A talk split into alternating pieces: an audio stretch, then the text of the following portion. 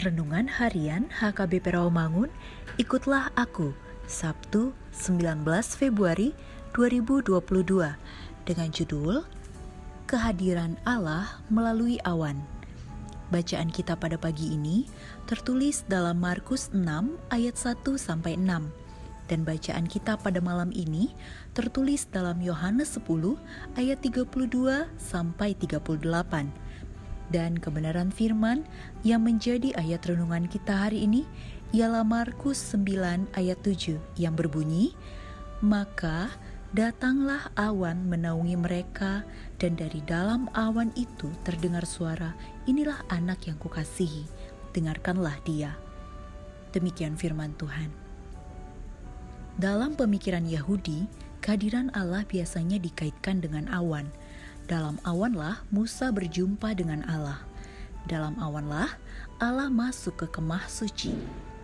Awanlah yang memenuhi bait Allah ketika bangunan itu ditahbiskan setelah Salomo membangunnya. Merupakan impian orang Yahudi bahwa apabila Mesias datang, awan kehadiran Allah akan kembali ke dalam bait Allah. Turunnya awan itu adalah cara untuk mengatakan bahwa Mesias telah datang, dan setiap orang Yahudi akan memahaminya demikian. Perubahan rupa ini mengandung peristiwa yang memberikan sesuatu yang sangat berharga untuk Yesus. Allah berbicara kepada Yesus, sebagaimana selalu terjadi.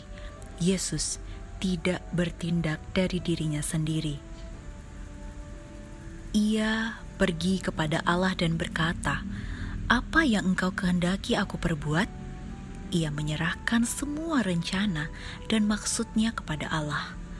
Allah berkata kepadanya, "Engkau sedang melakukan sebagaimana yang seharusnya dilakukan anak yang kukasihi.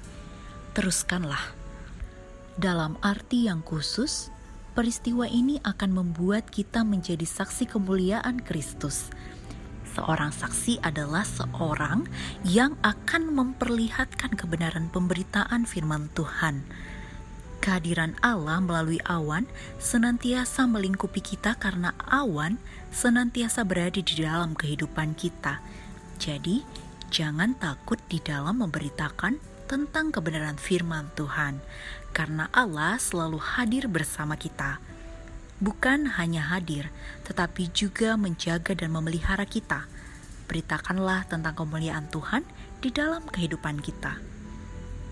Mari kita berdoa. Ajarkan kami agar kami tetap semangat dan dimampukan untuk menjadi Allah Tuhan, bersaksi tentang kebenaran-Mu, dan namamu semakin dimuliakan. Amin.